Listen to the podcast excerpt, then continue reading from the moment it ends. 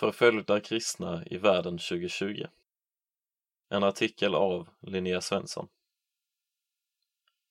Visste du att över 260 miljoner kristna i världen är utsatta för allvarlig förföljelse för sin tro? Kristna är världens mest förföljda religiösa grupp.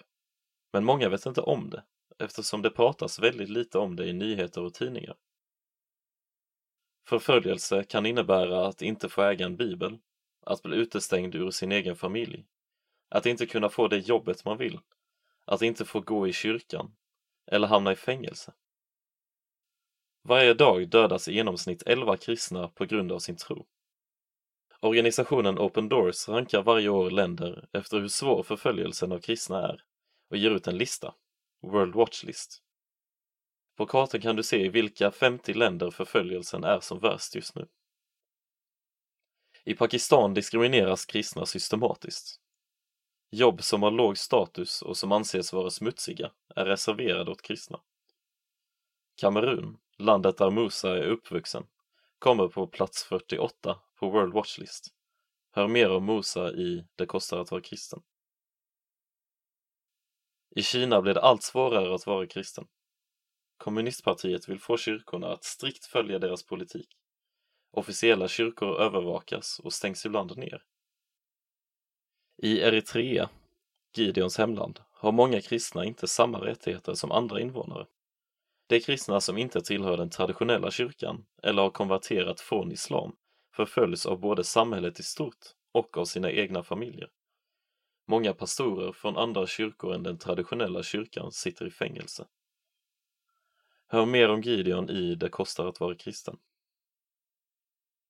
I Somalia finns den islamistiska gruppen al-Shabab. De dödar människor med den enda motiveringen att de är kristna. I Indien finns det radikala hindunationalister som vill rensa landet från andra religioner. Många som har konverterat från hinduism till kristendom utsätts för våld och en del har till och med dödats. Nordkorea har legat överst på World Watch List 19 år i rad. Här kan det vara livsfarligt att äga en bibel och tiotusentals kristna hålls fångna i arbetsläger. Ändå växer den underjordiska kyrkan i Nordkorea. I Det kostar att vara kristen kan du höra om Hyawu som kommer från Nordkorea. De senaste åren har förföljelsen av kristna ökat i världen. När Open Doors tar fram World Watch List använder det ett system där det poängsätter varje land efter hur stor förföljelsen av kristna är i landet. De länder som får mer än 80 poäng rödmålas. För sex år sedan var det bara ett land som var rödmålat på kartan. Idag är det 11. Allra mest ökar förföljelsen i Afrika på grund av islamistiska grupper.